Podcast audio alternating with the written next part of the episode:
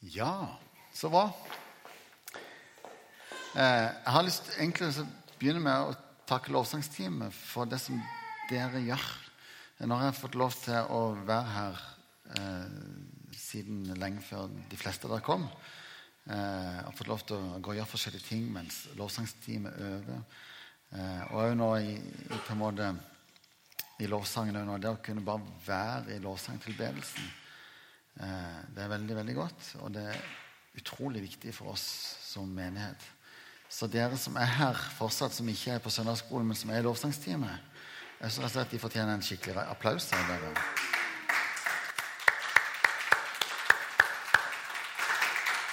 Mm. Eh, som Tone nevnte, så har vi jo hatt egentlig både Kristi himmelfart og pinse uten at vi har hatt det som noe tema. Og vi hadde jo ikke gudstjeneste i gang forrige helg. Eh, og Derfor så tenkte jeg at jeg hadde lyst til å eh, snakke om Den hellige ånd i dag. Eh, pinse har jo ofte blitt kalt for menighetens fødselsdag. Eh, fordi at det var starten på den apostoliske kirke. Og, liksom, ja. og, og det er jo flott. Vi må veldig gjerne feire at eh, menigheten liksom begynte da. Men pinse er så uendelig mye mer enn det. Eh, fordi at det var da Den hellige ånd ble gitt til alle de som tror.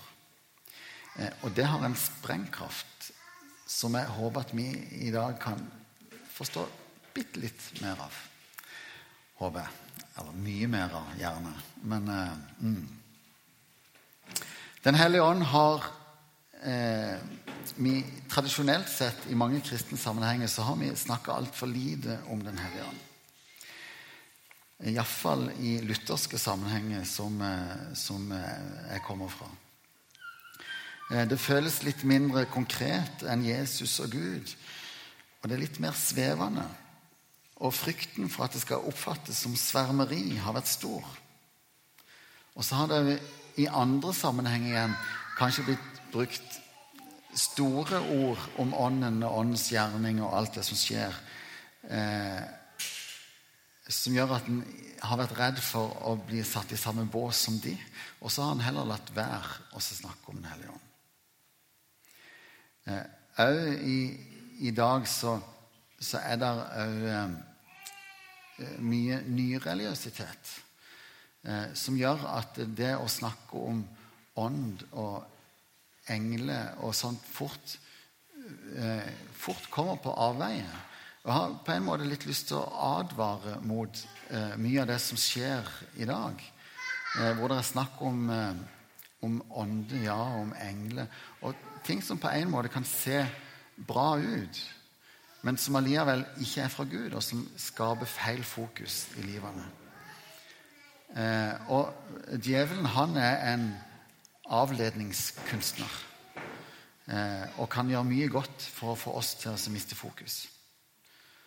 Eh, men det er ikke det som skal være tema i dag. Men, men, jeg tenker at det er viktig at vi som kristne er eh, vågne, sånn at ikke vi ikke blir ført vill i det som kan se positivt og fint ut. Mm.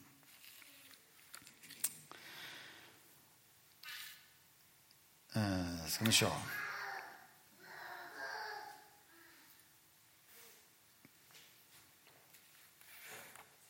Den hellige ånd. Hva betyr det i dag? Jeg har ofte tenkt at disiplene var utrolig heldige som fikk leve sammen med Jesus. Vandre sammen med Jesus, for å være med på alt det som Jesus gjorde. Det må ha vært utrolig spesielt. Tenk dere å være med når de er ute i, i, på engene der, eh, og det er 5000 mennesker som har fulgt etter og fått undervisning. Og så, og så skal de spise, og så, og så metter Jesus da 5000 mennesker med fem små brød og to fisker. Det må jo være fantastisk. Bare å se det og oppleve det. Eller når han møter han mannen som eh, er besatt av onde ånder, som lever i gravhulene. Som springer rundt dag og natt i gravhulene og skriker, og, og som ikke de klarer å, å, på en måte, å hanskes med. De prøver lenkene og de prøver masse forskjellig, men ingenting nytter. Og, så, og han er så besatt av onde ånder at når, når, Jesus spør hva, hva han heter, så sier svaret ånden at det heter legion, for vi er mange. Og så driver Jesus ut disse onde åndene, den mannen, og så inn i en griseflokk, som så styrter i sjøen igjen. For ikke snakk om når Lasarus ble vekket opp til liv igjen. Han som hadde vært død i flere dager. Og kom, da kom vandrende ut av gravhula når Jesus ropte på ham. Det må jo ha vært fantastisk. Jeg er ikke enig. Jeg skjønner godt at eh, disiplene hadde stor frimodighet, og at de ikke tvilte på Guds ord. At, eh, ja. Men Jesus, før Jesus reiser opp til himmelen, så sier han at det som skal skje, er faktisk bedre for oss. Jesus sier først i Johannes 14, vers 16.: Jeg skal be til Gud om at han skal sende dere Den hellige ånd for å være sammen med dere til evig tid. Den hellige ånd blir altså gitt til oss for å være sammen med oss for alltid. Ja, ikke bare være med oss, men han bor i oss. Og han sier senere i Johannes 16.: Men jeg sier dere sannheten. Det er det beste for dere at jeg går bort. For dersom jeg ikke går bort, kommer ikke talsmannen til dere. Men går jeg bort, så kan jeg sende ham til dere. Så vi kan synes at Peter og gjengen var heldige som fikk leve sammen med Jesus. Og det er helt naturlig at de var sterke i troa og gjorde store ting. Men at vi har fått Den hellige ånd, er faktisk enda bedre. For Jesus bor i oss med sin ånd. Han har flytta inn. Han har tatt bolig i alle som tror. Og For meg så er historien om Peter en av mine favoritter.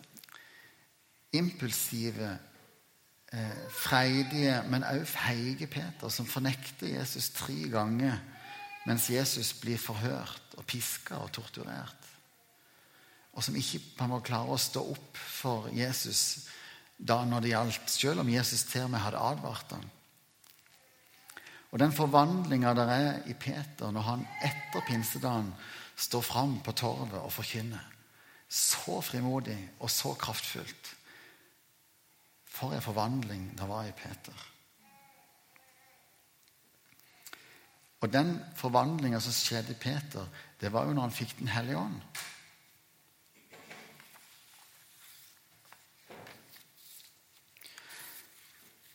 Det var når Den hellige ånd hadde flytta inn i Peter, at, at eh, Jesus virkelig fikk eh, mulighet til å virke gjennom Peter. Eh, og akkurat dette, at Den hellige ånd flytter inn i oss mennesker, er litt vanskelig å forstå. Både at det er fysisk mulig, men det kan òg være vanskelig å forstå at vi er et hellig tempel som, som Gud bor i. Ofte så kan vi, iallfall har jeg lett for å, å diskvalifisere meg sjøl og tenke at jeg er ikke god nok. Men det er nettopp det som er dåpens gave. Det handler ikke om hvem vi er, eller hva vi har gjort. Det er en Guds gave. Det er ikke fordi vi har fortjent det. Det er fordi Gud elsker oss. Og det handler ikke om hva vi gjør. Det handler om hva Jesus har gjort.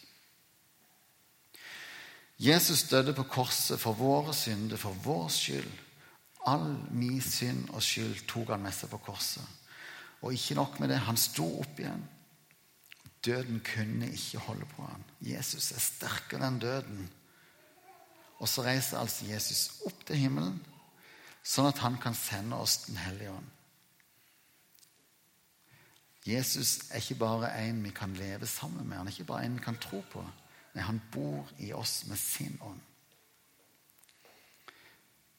Og Derfor så sier Jesus at det faktisk er bedre for oss at han reiser opp til himmelen sånn at, sånn at han kan sende oss Den hellige ånd. Men hva betyr dette konkret i dag? Hva betyr pinsas budskap for oss? Det gjorde ganske mye med de som var der på pinsedagen. Flere tusen ble frelst den dagen. Men hva betyr det i dag?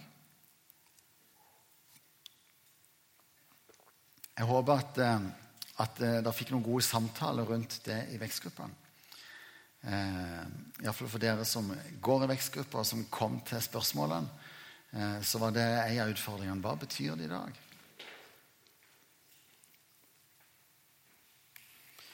Ofte når vi snakker om Den hellige ånd, så snakker vi om ånd og kraft. Om nådegave, om tungetale og helbredelse. Om Gud gjennom oss til mennesket.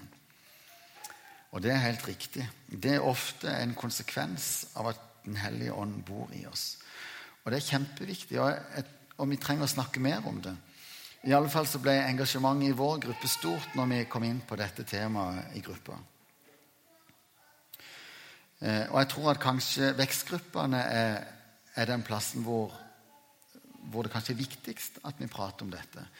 For der er det rom til at vi kan hjelpe hverandre til å, å se hva som er hverandres nådegave. Der kan vi oppmuntre hverandre til å bruke dem, og der kan vi prøve oss litt fram. Der er det ikke så skummelt.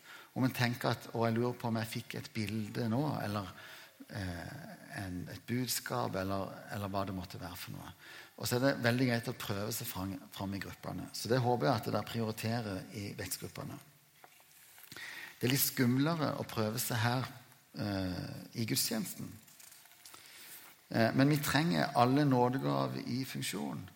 Eh, derfor så tenker jeg at det er viktig at dere som måtte sitte her på en gudstjeneste, opplever at dere får et bilde eller et kunnskapsord eller et budskap i tunge, eller hva det måtte være.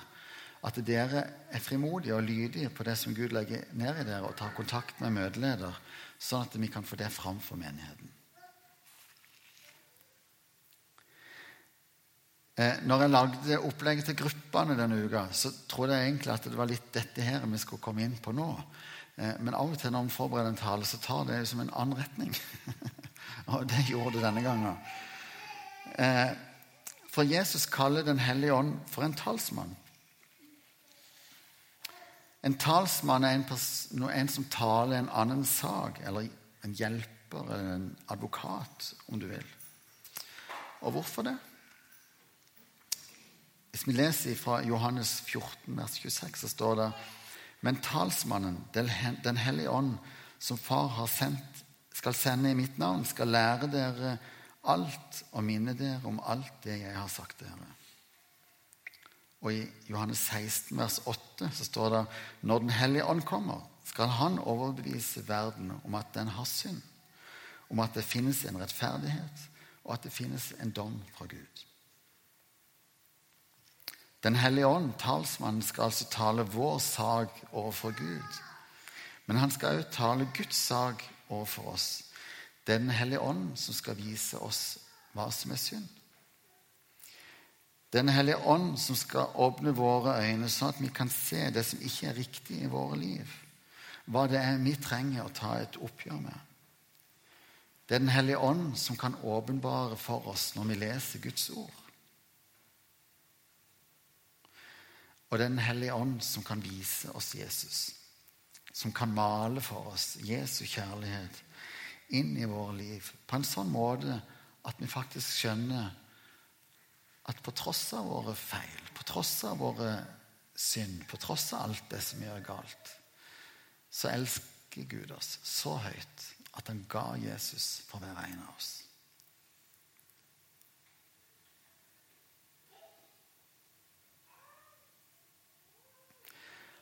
Hadde det ikke vært for Den hellige ånd, så hadde vi ikke forstått, eller iallfall forstått veldig lite av Guds kjærlighet. Og hadde det ikke vært for Den hellige ånd, så hadde vi heller ikke klart å leve som Guds barn. Før var det mer snakk om at folk kom i syndenød. At når noen ble frelst, så var det fordi at Den hellige ånd viste dem at de trengte tilgivelse for syndene sine. For Den hellige ånd viste de alt det gale de hadde gjort. I dag er det ikke så mye fokus på synd. Det skal en på en måte helst ikke snakke om. Det er så negativt. Men det betyr ikke at det er riktig å ikke prate om det. Vi har gjort synd til en veldig privat sak. Og det skal vi for så vidt fortsette med. Vi skal ikke begynne med noen sånn offentlige skriftemål i menigheten. Men jeg tror at vi kanskje er blitt litt for redde for å prate om hva som faktisk er synd, og hva som ikke er synd. Og at vi trenger å justere litt på, på hva, hva, vi har fokus. Det er jo en balanse mellom nåde med, med, loven og nåden, ikke sant? Eh, ja. Og selv om synd er privat, altså mellom det og Gud, så må vi tørre å sette ord på det, tørre å si hva som faktisk er synd. Og vi må tørre å rettlede hverandre. Så er det, kunst, det er noe som er veldig vanskelig, og det er viktig at det blir gjort med visdom og kjærlighet. Men det er allikevel noe av det som tilhører inn i menigheten.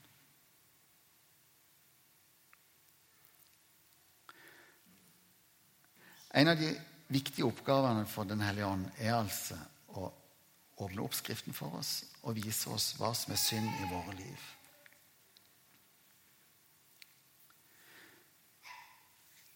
Både gi oss visdom og innsikt før vi handler, sånn at vi kan leve rett, men òg å vise hva som er synd. Det som vi kanskje ikke helt vil se, eller ikke forstår at det ikke er riktig. Det som vi kanskje ikke helt ser at det eh, tar fokuset vårt vekk fra det som virkelig betyr noe. Luther han snakker om å leve i den daglige omvendelsen.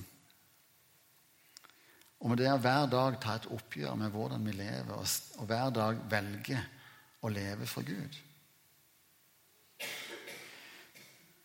Når vi gir Ånden det rommet i våre liv, når vi lar Han få rettlede oss, når vi lar Han få tale til oss, når vi lar Han få eh, åpenbare det som vi leser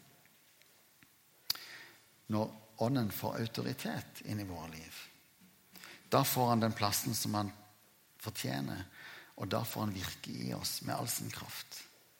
Men Den hellige ånd han er òg en gentleman. Han trenger seg ikke på og, om vi ikke vil gi han rom, ja, så tar han det heller ikke. Vi må sjøl være villige til å lytte, til å søke hva Gud sier til oss. Kanskje skal vi tørre å spørre Gud hva er det som stenger mitt liv? Hva er det som hindrer meg i at du, Gud, skal få enda mer større plass? Få prege meg enda mer?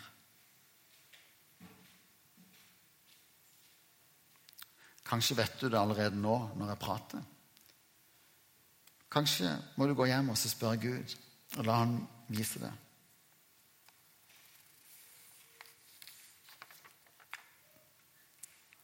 Paulus skriver om dette på en litt annen måte. Han skriver i Efeserne 1.: Jeg ber om at vår Herre Jesu Kristi Gud, Herlighetens Far, må la dere få en ånd som gir visdom og åpenbaring, så dere lærer Gud å kjenne. Må Han gi deres hjertes øye lys, så han ser hvilket håp Han har kalt dere til, hvor rik og herlig Hans arv er for de hellige, og hvor overveldende Hans kraft er hos oss som tror. Om dette får skje, om Gud får gi våre hjertes øye lys, om Ånden får tale til oss, om Ånden får virke i oss og rettlede oss, om Han får gi våre hjertes øye lys, så vi ser hvilket håp Han har kalt oss til, hvor rik og herlig hans arv er for de hellige, og hvor overveldende hans kraft er hos oss som tror. Med denne veldige makt og styrke reiste han Kristus opp fra de døde og satte ham ved sin høyre hånd i himmelen. Over alle makter og åndskrefter, over alt velde og herredømme, og over alle navn som nevnes kan, ikke bare i denne tid, men også i den kommende. Alt la han under hans føtter, og ham, hodet over alle ting, ga han til kirken, som er Kristi kropp, fylt av ham som fyller alt i alle. Det er en av de bønnene som Paulus eh, skriver i Efeserne. Om dette skjer, da kan vi virkelig få begynne å høste av åndens frukter som Tone åpna med her i begynnelsen. Så står det i Galaterne 5,22. Åndens frukt er kjærlighet, glede, fred, overbærenhet, vennlighet, godhet, trofasthet, ydmykhet og selvbeherskelse. Vi har lett for å tenke at de åndelige gavene er nådegavene. Iallfall kan jeg fort tenke det. At det er nådegavene som er et resultat av at Gud bor i oss. Og det stemmer. Det er det. Men det er gave som blir gitt. Dette er snakk om åndens frukter, altså noe som vokser frem med at vi lever ved at Den hellige ånd virker i oss.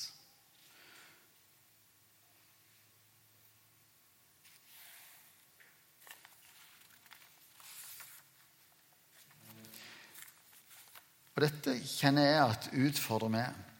For jeg tenker ofte at åndens gjerning i meg er det som Gud virker, altså at Gud virker gjennom meg. Gud gjennom meg til mennesket. Det er det som eh, Eller ikke Men at det er mye, mye av mitt fokus da er på det som hører inn i tjenesten, i menigheten, i, eh, i det å kunne fortelle om Jesus til andre. Og det er jo kjempeviktig. Altså, det er jo et resultat av ånden. Men det som, det som, Paulus da trekker fram som åndens frukter, det er altså kjærlighet, glede, fred, vennlighet og godhet. Pluss noen til.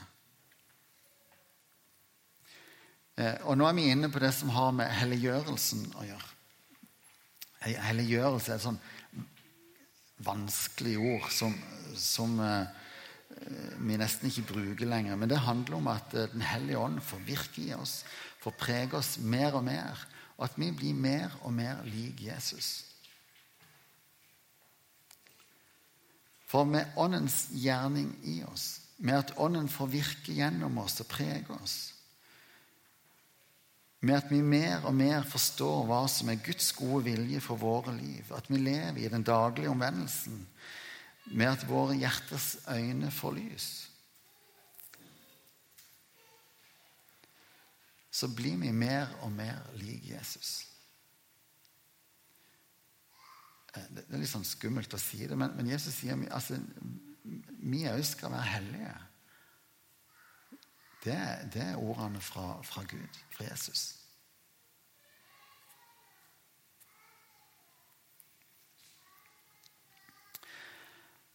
Ofte når jeg taler, så syns jeg det er vanskelig å balansere.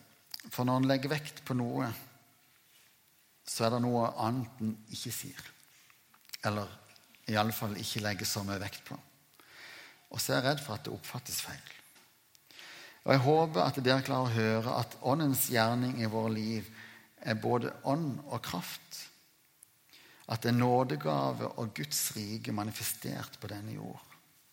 At det er Åndens gjerning i våre liv.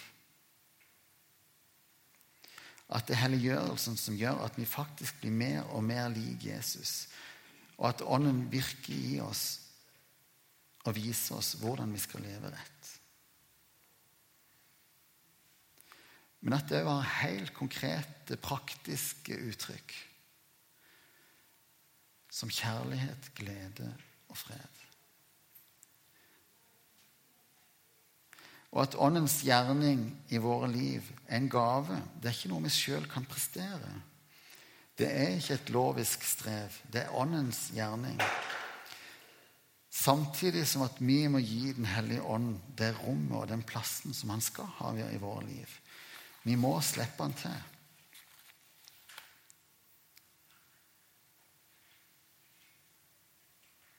Vi må La han få prege oss. Vi må be han å gi, gi våre hjerters øyne lys. Sånn at Ånden kan tale til oss, sånn at Ånden kan virke i oss.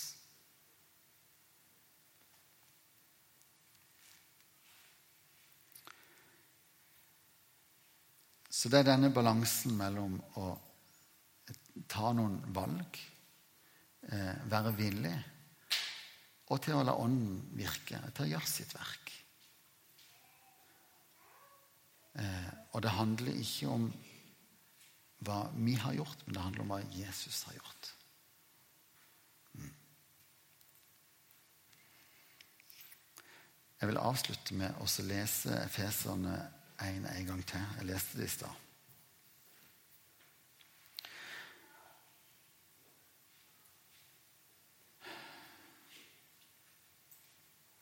Må Han gi vårt hjerters øynelys, så vi ser hvilket håp Han har kalt oss til. Hvor rik og herlig hans arv er for de hellige, og hvor overveldende hans kraft er hos oss som tror. Med denne veldige makt og styrke reiste han Kristus opp fra de døde og satte ham ved sin høyre hånd i himmelen. Over alle makter og åndskrefter, over alt velde og herredømme, og over alle navn som nevnes kan, ikke bare i denne tid, men også i den kommende. Alt la han under hans føtter, og han, hodet over alle ting, ga han til kirken, som er Kristi kropp, fylt av Han som fyller alt i alle.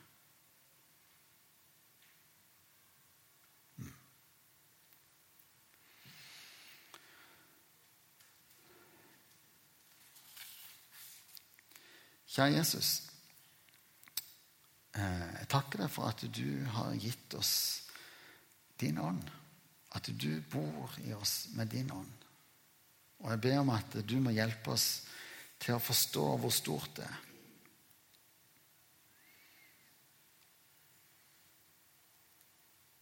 Hjelp oss til å gi det, det rommet som du eh, fortjener i livene våre.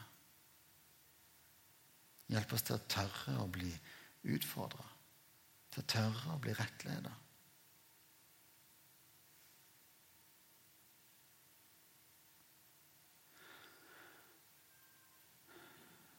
Og så ber jeg om at eh, du hjelper oss til å leve i den balansen mellom loven og evangeliet med nåden. At du har gjort alt. At du elsker oss så høyt.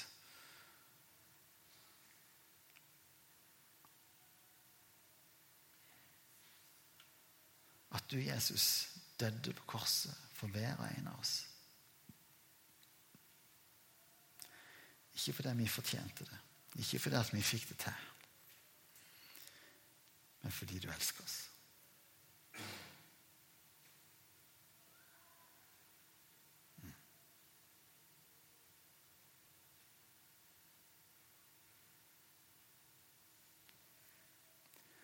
Så ber jeg om at eh, du hjelper oss til å tørre å gå på det som du leder oss til.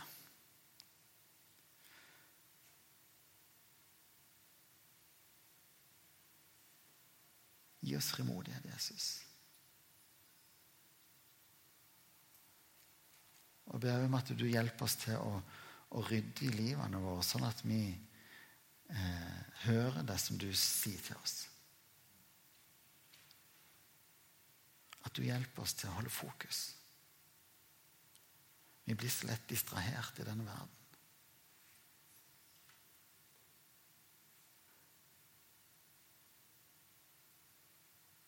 Og jeg ber om at eh, åndens frukter må være det som preger menigheten Jesus. Kjærlighet, glede, fred. Vennlighet godhet.